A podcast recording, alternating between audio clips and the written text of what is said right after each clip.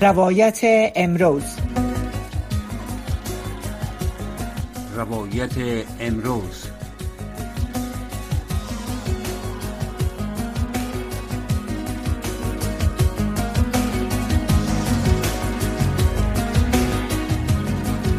سلام شنوندگان عزیز و برنامه روایت امروز از رادیوی آشنای صدای امریکا. شما را خیر مقدم می‌گویم. شنوندگان عزیز در این اواخر مصائب طبیعی جان هزاران تن از ها را گرفته و خسارات شدیدی در سراسر جهان به وجود آورده است.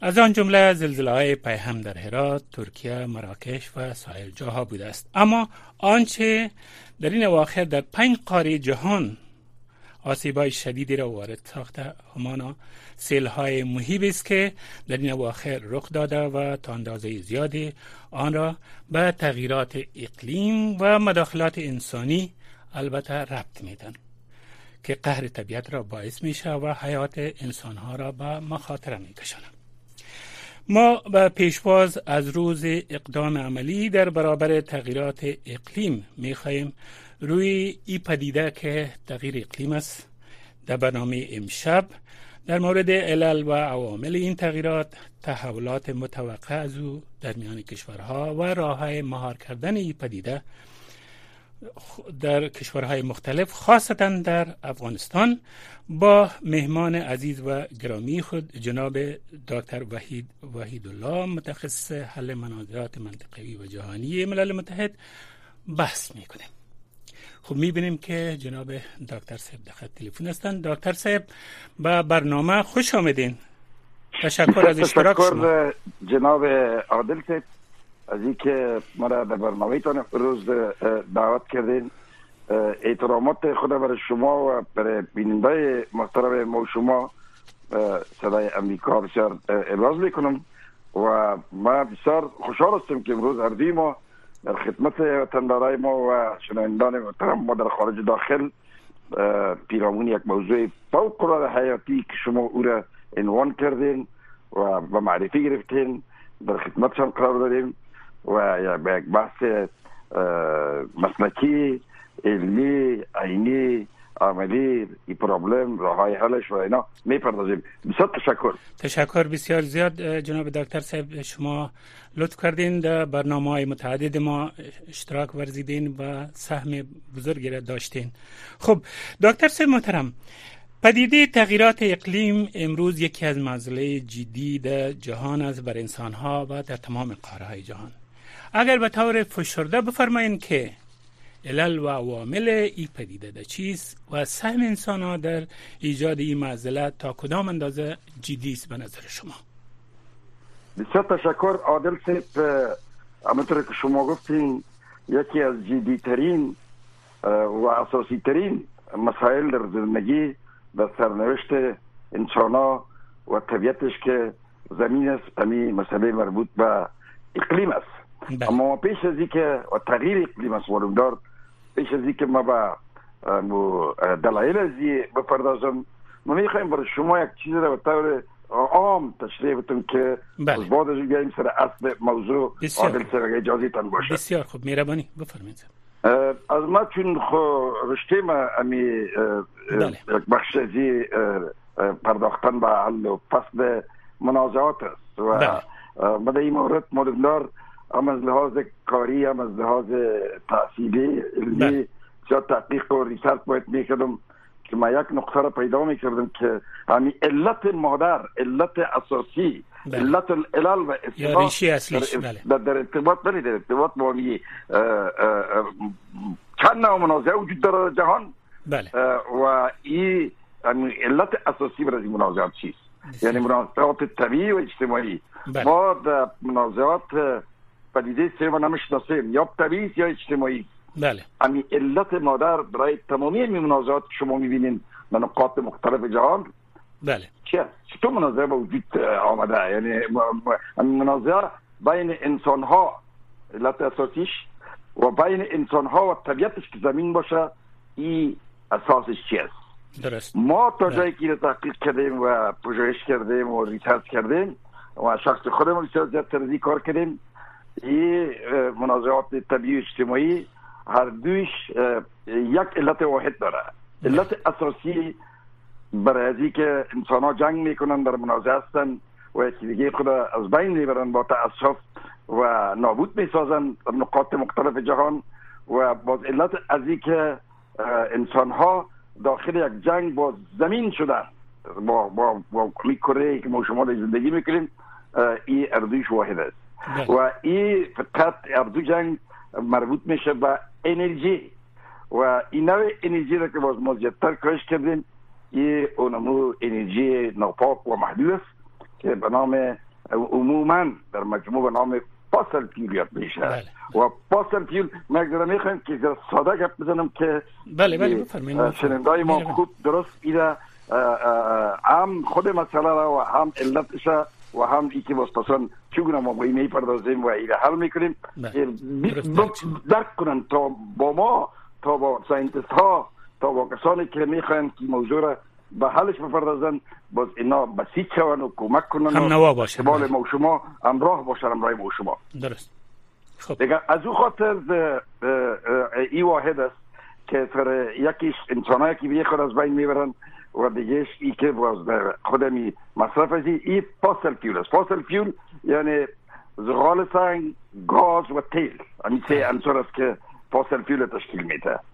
برای پیدا کردن ازی و دسترسی به منابع بسیار با اهمیت انرژی که در طول صده ها در طول تاریخ برای امرار حیات معیشت و پیشبرد زندگی اجتماعی اقتصادی فرهنگی اجتماعی کل ضرور بوده برای به دست آوردن از اینا اینا در قبالش بودن و برای که این منبع محدود و ناپاک انرژی را اینا به دست بیارن تمام این منازعات شما می‌بینین در صدها سال گذشته از اقل بالای زمین مثلا. درست. و باز بعد از او که انسان با تمام امی مشکل و پرابلم هایی که در نبود و در از بین بردن و در از بین انسان ها اینا به دست به قیمت دست بیارن باز مصرف ازی انرژی محدود و ناپاک که فاسل فیول باشه و مشتقاتش باشه که وارد از تیل گاز و زغال سنگ است. مصرف ازی منازعه اساسی دیگه را تولید می‌کنه که چونه انسان با طبیعت خود در جنگ شوه و چونه ای مصرف ازی از این سه عنصر اساسی فاسل فیول چگونه ای یک منازعه بسیار شدیدتر امروز ما می‌بینیم. نتایج که بسیار ملموس است و هر روز بدتر و بدتر و بدتر شده میره. متاسفانه این امی جنگ بین انسان و زمین میشه.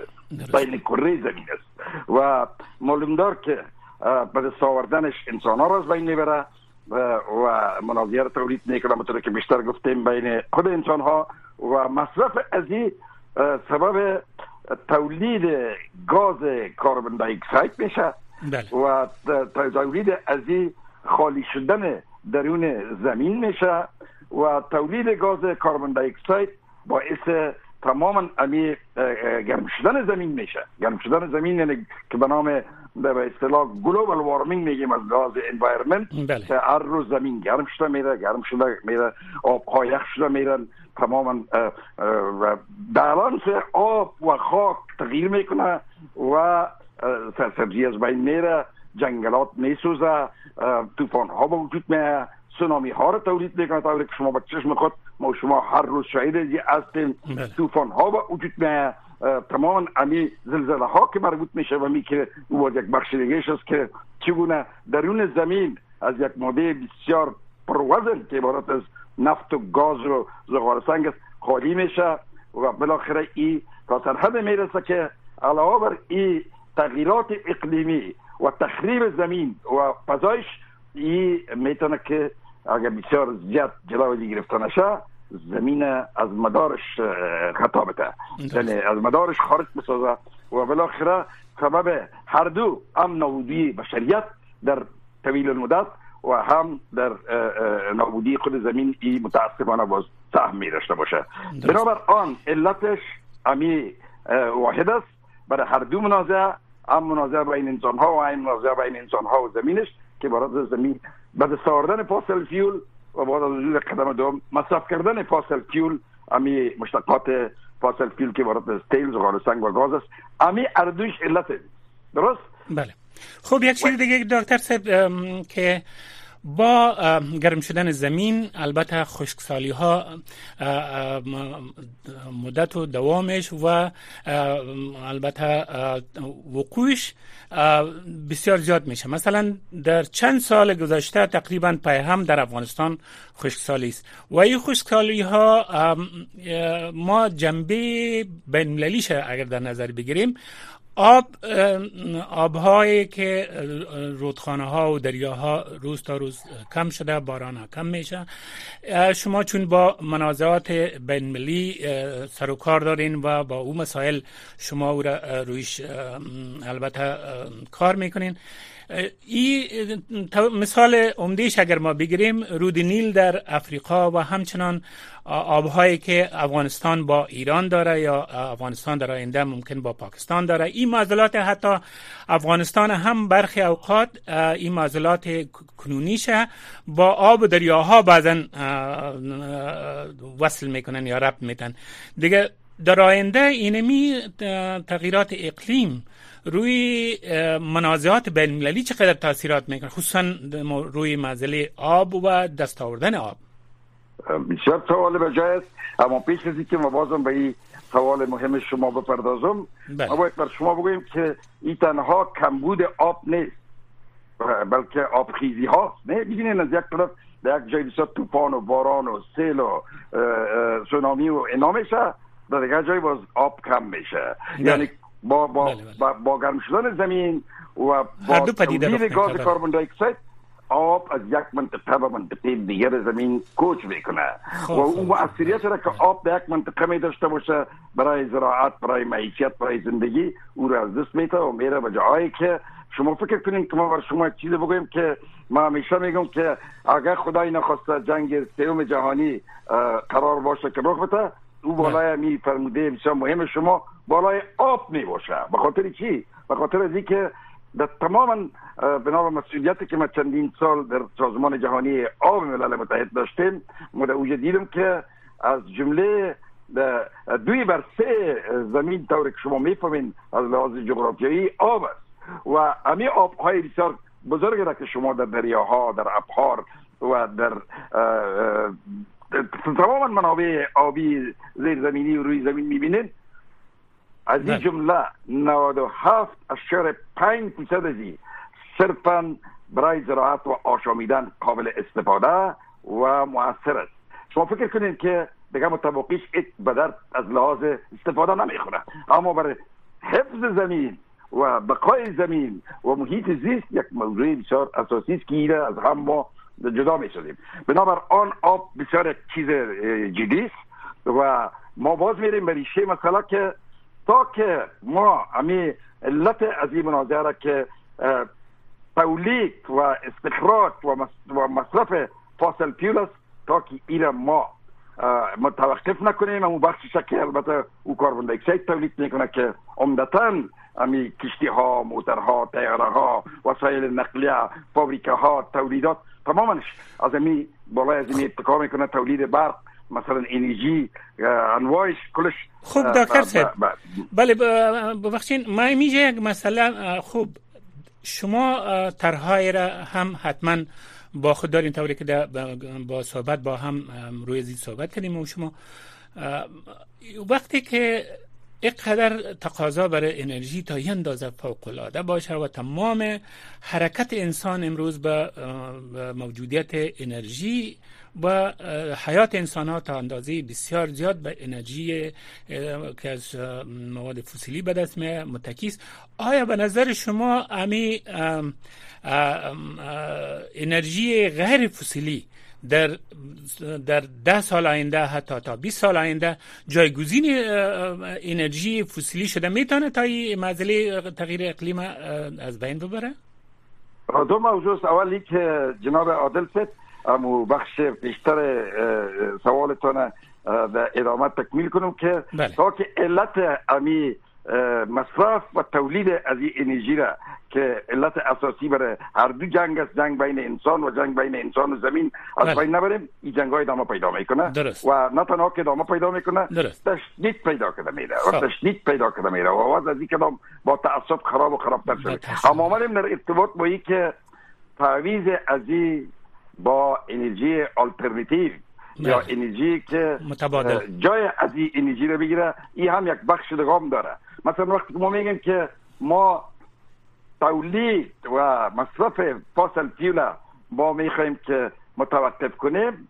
ما منظور ما از او بخش از انرژی fossil fuel نیست که او در نمی‌گیره نمیسوزه. گاز carbon dioxide تولید نمی‌کنه. مثلا و می اتاق استودیویی که شما تشریف دارین یا و جایی که ما مصاحبه می‌کنم امرای شما اگر شما اطراف اکنافتان ببینید به شمول لباستان به شمول فرش اتاق به شمول رنگ های دیوار و, بله. و, و furniture و تمام 80 فیصد از این fossil fuel است اما این fossil fuel است که بر زندگی انسان و تداوم زندگی انسان آب حیاتش مهم است این نقص نداره و این می‌تونه که ادامه پیدا کنه درست است درست. ولیکن این باز جنگ دومه چون زیادترین بخش انرژی fossil fuel که او هم انسان و هم جهان به این مخاطره اه، انداخته این بخش قسمت است که این در می‌گیره میسوزه یعنی مواد سوخته است و این carbon dioxide تولید می‌کنه و این مثلا بیشتر گفتم که عادل ست کشتی ها فابریکه ها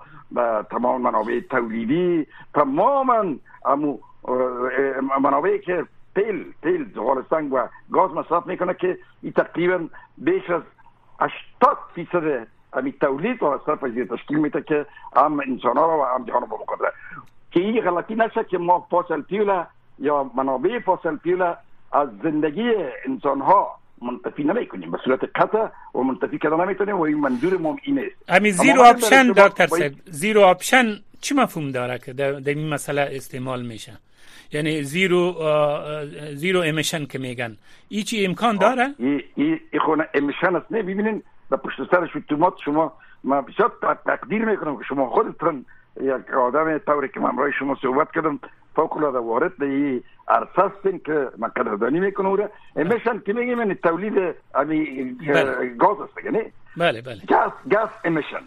این حال gas emission یا carbon dioxide زمان تولید میشه که ای در می‌گیره. در مباحث مواد سوخت یا در فابریکه یا در موتر یا در ترانسپورت یا در طیاره یا در ترانس مواصلات اینا نه؟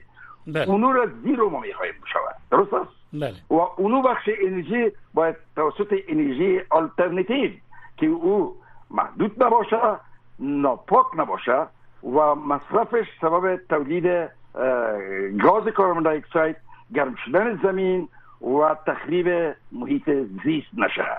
و اونو را اگر با شما می‌خوایم که ما براتون بگویم که آلترناتیوش چیست که ما سر از اون طرح بسیار زیاد کار کردیم. و یکی از کارهای بسیار اساسی ما در 15 سال گذشته بر از بین بردن همی دو منازعه که به خدمت شما گفتم مسلکا ما بسیار به توجه کردیم و تحقیقات کردیم. ما راه حل برای پیدا کردیم. امیر به شکل فشرده- دکتر به شکل فشرده امیر بفرمایید که چی باید شود؟ اقدامات عاجل و فوری خاصتا اگر ما افغانستان در نظر بگیریم و برای که افغانستان منابعش محدود است و مشکلات محیطی اجتماعی و اقتصادی شدید داره. اینطور فکر کنین که در در فوکس افغانستان باشه و در شما راه حل از اگر در جهان و افغانستان بفرمایین تشریح بدین برام جناب عادل صاحب اول خویی که فوکس از قضیه جهانی و به اصطلاح زمینی و آسمانی تنها یک منطقه و یک کشور بوده نمی‌تونه بله،. این یک است. پرابلم جهانی است و بعلاوه از انهار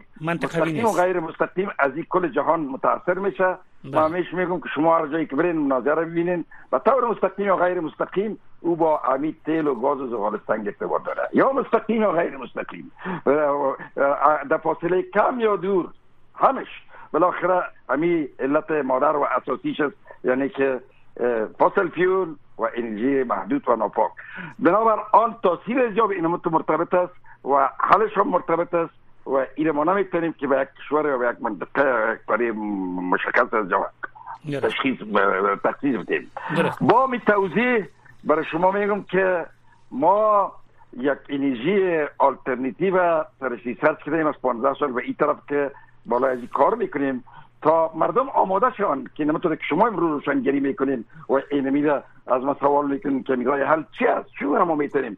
برای از باید حکومات دولت ها ذهنیت ها کسانی که منابع آسان تیل پیدا می‌کنن بدون اینکه سر سرنوشت بشریت آوردن فکر کنن او را مصرف میرسونن و از او خود تنها برای منافع شخصی خود ثروتمند ساختن در سطح کشور یا در سطح گروپ یا در سطح کمپنی یا در سطح انحصارات اینیا متوجه شون که این راه حل داره و راه حل چی است خلاص براتون بگویم که ما یک انرژی را پیدا کردیم از فضای خارجی. یعنی خارج از فضای جو زمین اتمسفر زمین اتمسفر زمین.